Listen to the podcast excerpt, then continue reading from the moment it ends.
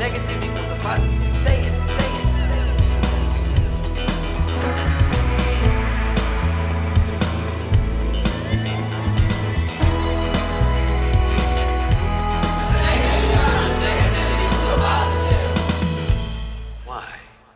Hej och välkomna till andra avsnittet av Anpassa skolan. Med mig, Jimmy Svensson och... Cissi Agerstrand. Hej Cissi. Hej. Vad kul, nu kör vi en gång till. Vi börjar bli erfarna på det här nu. Ja, efter andra programmet. Exakt. Eh, förra avsnittet så pratade vi lite om relationspedagogik, för du hade varit på en föreläsning. Och idag ska vi prata om en rapport som vi har läst av Malin Gren Landell. Och den handlar om problematisk skolfrånvaro. Ja. Ska vi säga vart man kan hitta den rapporten? På regeringens hemsida och den är från 2016. Och tar upp olika faktorer hur man kan komma till rätta med den här skolfrånvaron då som tidigare benämndes som hemmasittare. Ja, exakt. Ja, då har de ju kommit fram till tre olika faktorer man måste titta på då. En är de pedagogiska faktorerna och så har vi individfaktorer och sociala faktorer. Och vi pratar lite om dem då. Och då är det det här med att man kan se på elever om de har högre frånvaro på vissa lektioner och vissa ämnen. Hur ska man tänka då? Ja, men precis. Man kan ju ha lite högre frånvaro från vissa lektioner och sådär. Och det kan ju bero på flera olika saker. Det kan ju vara till exempel att eh, eh, man har jättesvår personkemi med läraren. Eller att det, det här klassrummet kanske är det kanske kommer buller eller det är en massa ljus eller mörkt. Ja, något sånt. Och ja, tiden på dagen kan vara tidigt kanske eller innan lunch eller sent på dagen och, och så. Vi har ju också sett att det kan vara vissa dagar, att man inte kommer en hel dag. Det behöver inte bara vara lektioner. Nej, precis. Så det kan ju vara, på en vecka så kan det vara eleven kommer aldrig på tisdagar. Då behöver man ju kolla upp lite, vad händer på tisdagen? Eller var det så att måndagen var för jobbig så att man inte orkar gå till skolan på tisdag? Ja, precis. Men man behöver göra en analys på det. Det är väl... Ja. Mm. Ja, en annan grej som kom fram i rapporten är ju det här med när man har haft lov. Att man ska, när man ska återgå till skolan så kan ju det också bli problematiskt att komma tillbaka till skolan. Sen tar de även upp att om man har byter skola brukar störa närvaron, eller vad man ska säga. Och när man byter eh, stadie, alltså att man går över från mellanstadiet till högstadie och så vidare. Det är en riskfaktor. Sen har de även nämnt individfaktorer och då är det det som vi kommer prata lite mer om sen. Det kan ju vara funktionsnedsättningar eller att man har psykisk ohälsa. Man kanske lider av depression eller ångestproblematik. Eh, det kommer vi prata lite mer om sen.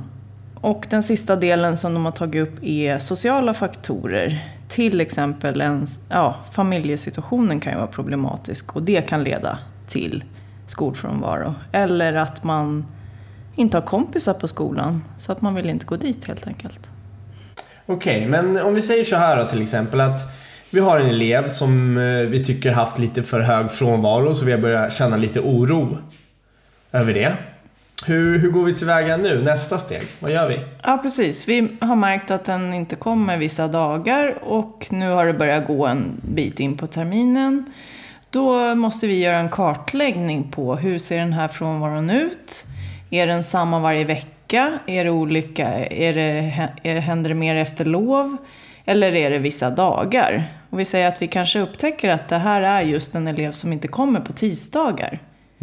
Då måste vi göra, kolla vad är det som händer på tisdagar för den här eleven. Om vi nu förutsätter att det här är ett pedagogiskt problem. Att det är någonting som är i skolan som är problematiskt för ungdomen eller eleven.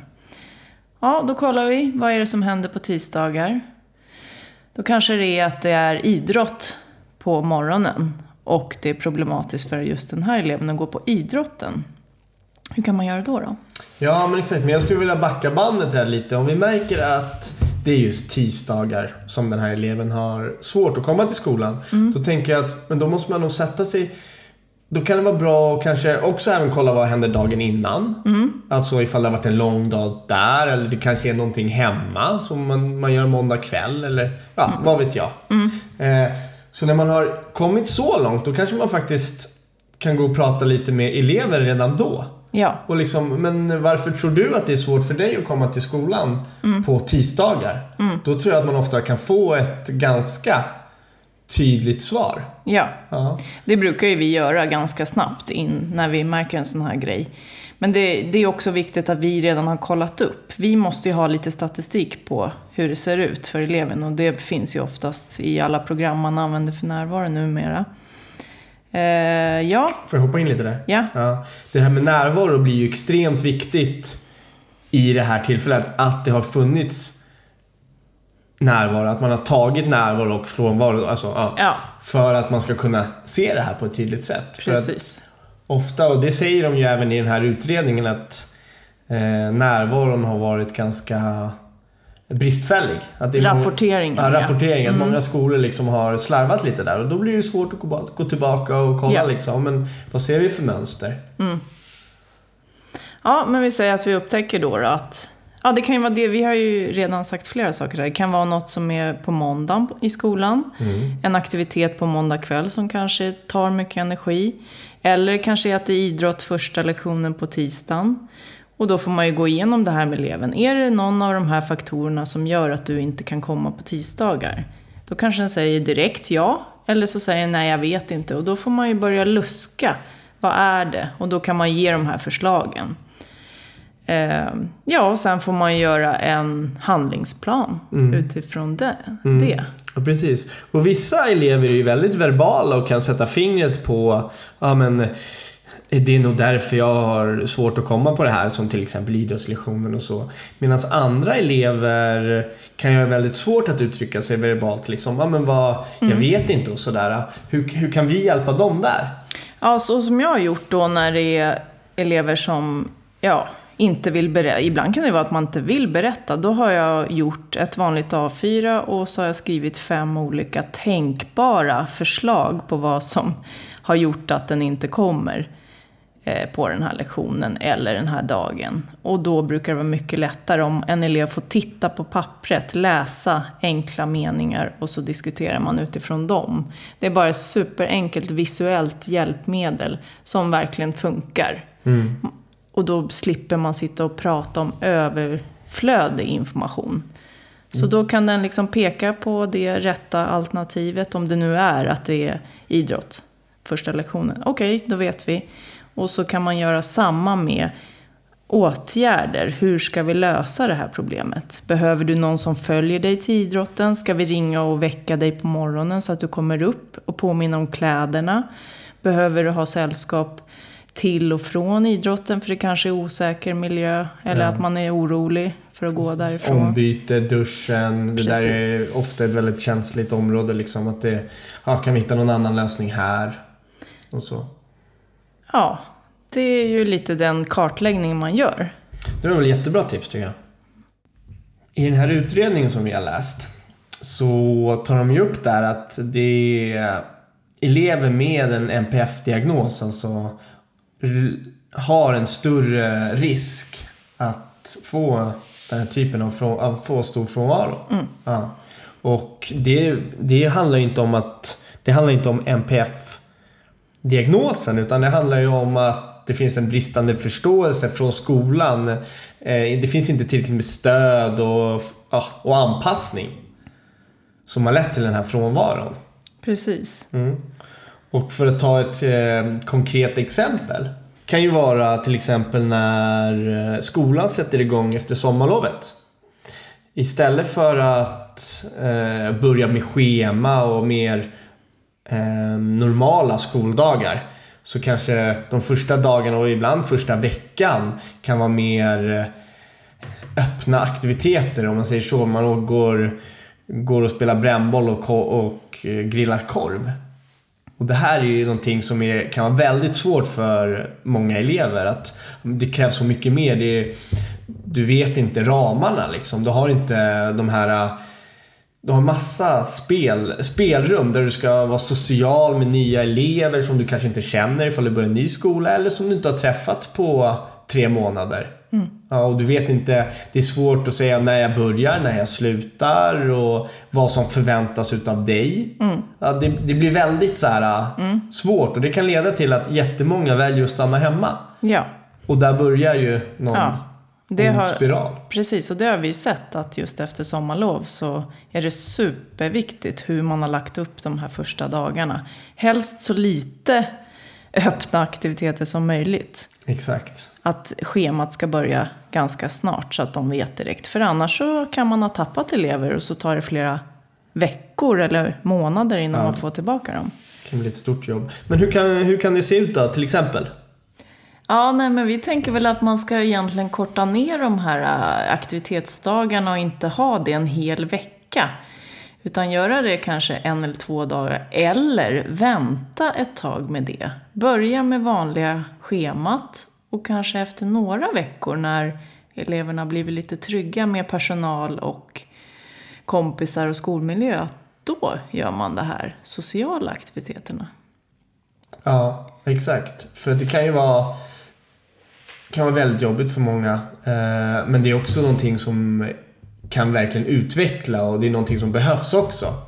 Så um, en dag och eleverna, då kan man prata med eleverna liksom att, ja men om man inte vill gå, om man verkligen om man tycker det är jobbigt så behöver man inte. Och sen på ja, dag nummer tre, ja, men då börjar de med schema. Då börjar det svenska, engelska, matte. Och sen så kanske det kommer lite senare i terminen och ja. Så. Och ett annat exempel som kan främja skolnärvaron då, Cissi? Ja, det är ju lite av det som vi pratade om i förra programmet. Det är ju relationen man har till eleverna. Och det får ni gärna lyssna på första avsnittet som handlar om just relationspedagogik. Men det har vi också sett att är det en bra relation med eleven och även med föräldrarna eller vårdnadshavarna så kan man ju lättare få tillbaka elever som börjat utebli från skolan. Och det visar ju också den här rapporten att relationen spelar väldigt stor roll. Ja, Men om vi, har, om vi tar ett sånt här exempel då som, eh, som är väldigt vanligt i olika skolor. Liksom. Vi har elever, de kommer till skolan men de går inte in på lektioner. ja precis. Det, för det blir också frånvaro eh, såklart. Ja. Och då måste man ju titta, är skolan anpassad till den här eleven? Och då får man göra en till kartläggning. Det är precis samma, man gör samma typ av kartläggning. Man går igenom med eleven. Är det någonting i klassrummet som inte funkar? Hur ser lektionen ut? Hur är lektionsplaneringen uppbyggd? Är det så att du som lärare vet du hur du ska bemöta just den här eleven? Det kanske är att du pratar för mycket, du står på fel sätt vid bänken och så vidare. Då får man göra en sån kartläggning och man kan göra precis på samma sätt. Ge förslag på vad man tror är fel. Och så får eleven visa på vad som är rätt.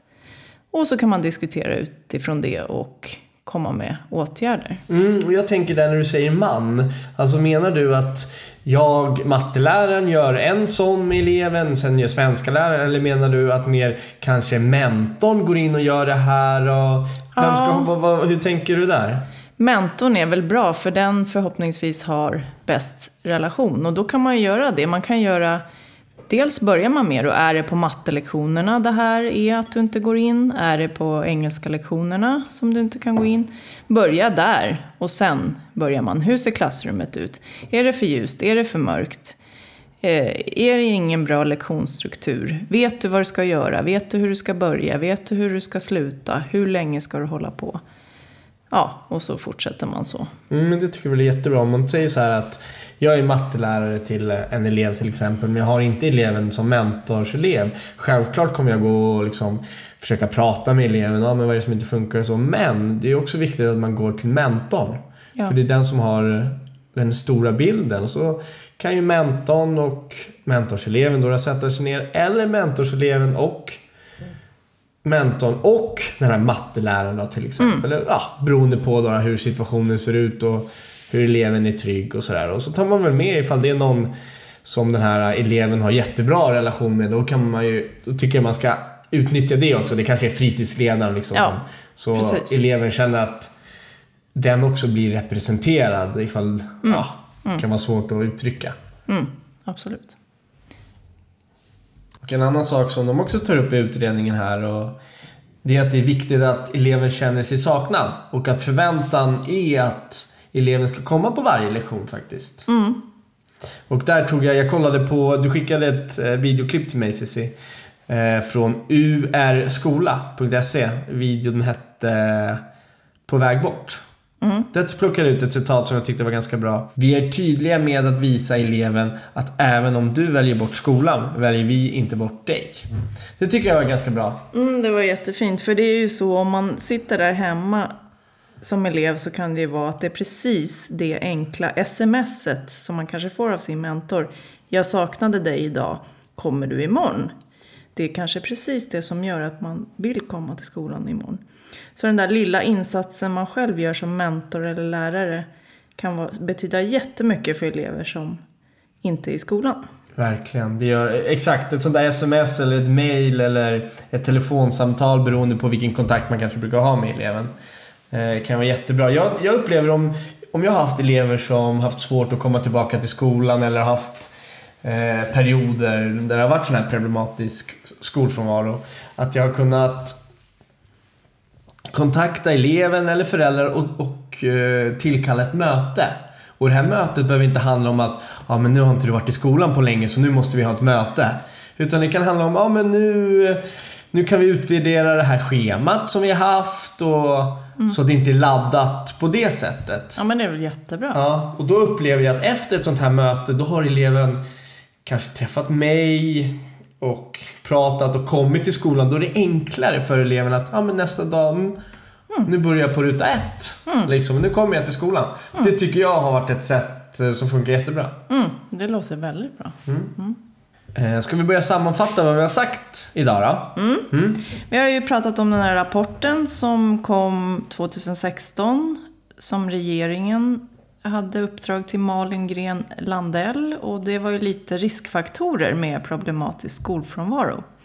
Och då har vi pratat lite om pedagogiska faktorer, lite om individfaktorer och lite grann om sociala faktorer också. Och lite exempel som vi tog var ju vad då Jimmy? Jo men exakt, eh, att ha förutsägbara scheman och ja, men tydlighet i scheman när man börjar efter lov och ja, egentligen alltid.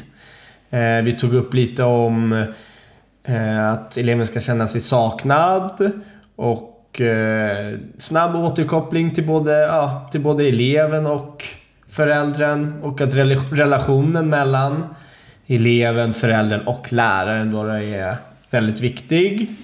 Ja, och även att man gör de här kartläggningarna när man väl har upptäckt att nu börjar det bli dålig närvaro här. Då ge, dels de här kartläggningarna, vad är det i skolan vi ska förändra? Och när man väl har hittat vad som är felet, att man sätter in åtgärder. Även kartläggningar som är om det är något i klassrummet som kan störa, eller hur lektionen är uppbyggd. Eller relationen som sagt till olika lärare. Och eh, glöm inte där att ha med eleven Ja, i dialogen och hjälp, ta hjälp av eleven och föräldrar för den delen. Att få fram de här. Mm. Ja. Och ju snabbare desto bättre. Precis, låt det inte gå lång tid utan Nej. kör direkt. Så det var väl det lite vi har pratat om idag. Ja, Och nu vill vi såklart ha kontakt med er som lyssnar. precis. Och ni hör av er till oss på sociala medier så hittar ni oss under hashtag anpassa skolan. Vi finns på Twitter, Instagram och Facebook. Men det går jättebra att mejla till oss också på anpassasskolan@gmail.com. Då är vi klara med andra avsnittet. Bra, Det gick väl bra Cissi? ja det gjorde det. Jättekul. Hörrni, då syns vi om två veckor. Bra. Hej då.